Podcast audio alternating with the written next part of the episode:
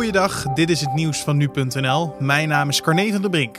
Johan Derksen is ook na de zomer nog te zien in Veronica Inside. De voetbalanalist zei eerder vandaag tegen de Telegraaf dat hij sterk twijfelde, maar Talpa laat aan nu.nl weten dat er inmiddels met hem gesproken is en het zeker is dat hij terugkeert.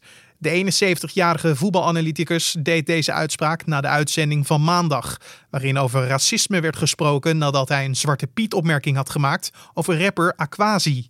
Derksen liet tijdens de uitzending weten geen spijt te hebben van de uitspraak. Wel zei hij dat zijn opmerking in het licht van de anti-racisme-demonstraties misplaatst was, maar dat het als grap was bedoeld.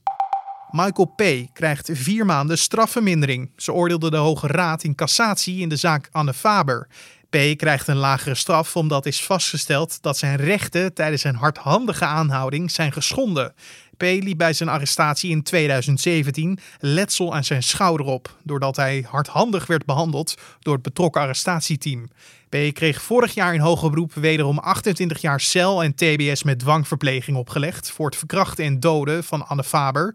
Deze straf is dus nu teruggebracht naar 27 jaar en 8 maanden. De TBS-maatregel blijft ongewijzigd.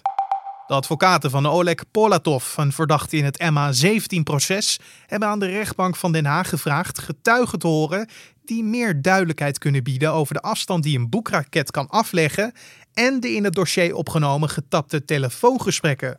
Dit deden zij tijdens de tweede dag in het MH17-proces, waarop de advocaten hun onderzoekswensen naar voren mochten brengen. Maandag maakte de verdediging duidelijk het onderzoek van het Openbaar Ministerie naar de ramp onbetrouwbaar te vinden. Het OM zal vrijdag reageren op de onderzoekswensen van de verdediging. En president Donald Trump gaat mensen die standbeelden of monumenten vernielen streng straffen. Wie een standbeeld omverhaalt of beklad, kan tot 10 jaar celstraf tegemoet zien. Dit liet Trump weten via Twitter. Hij heeft de federale politie opdracht gegeven om iedereen die een standbeelden of monumenten probeert te vernielen, direct aan te houden.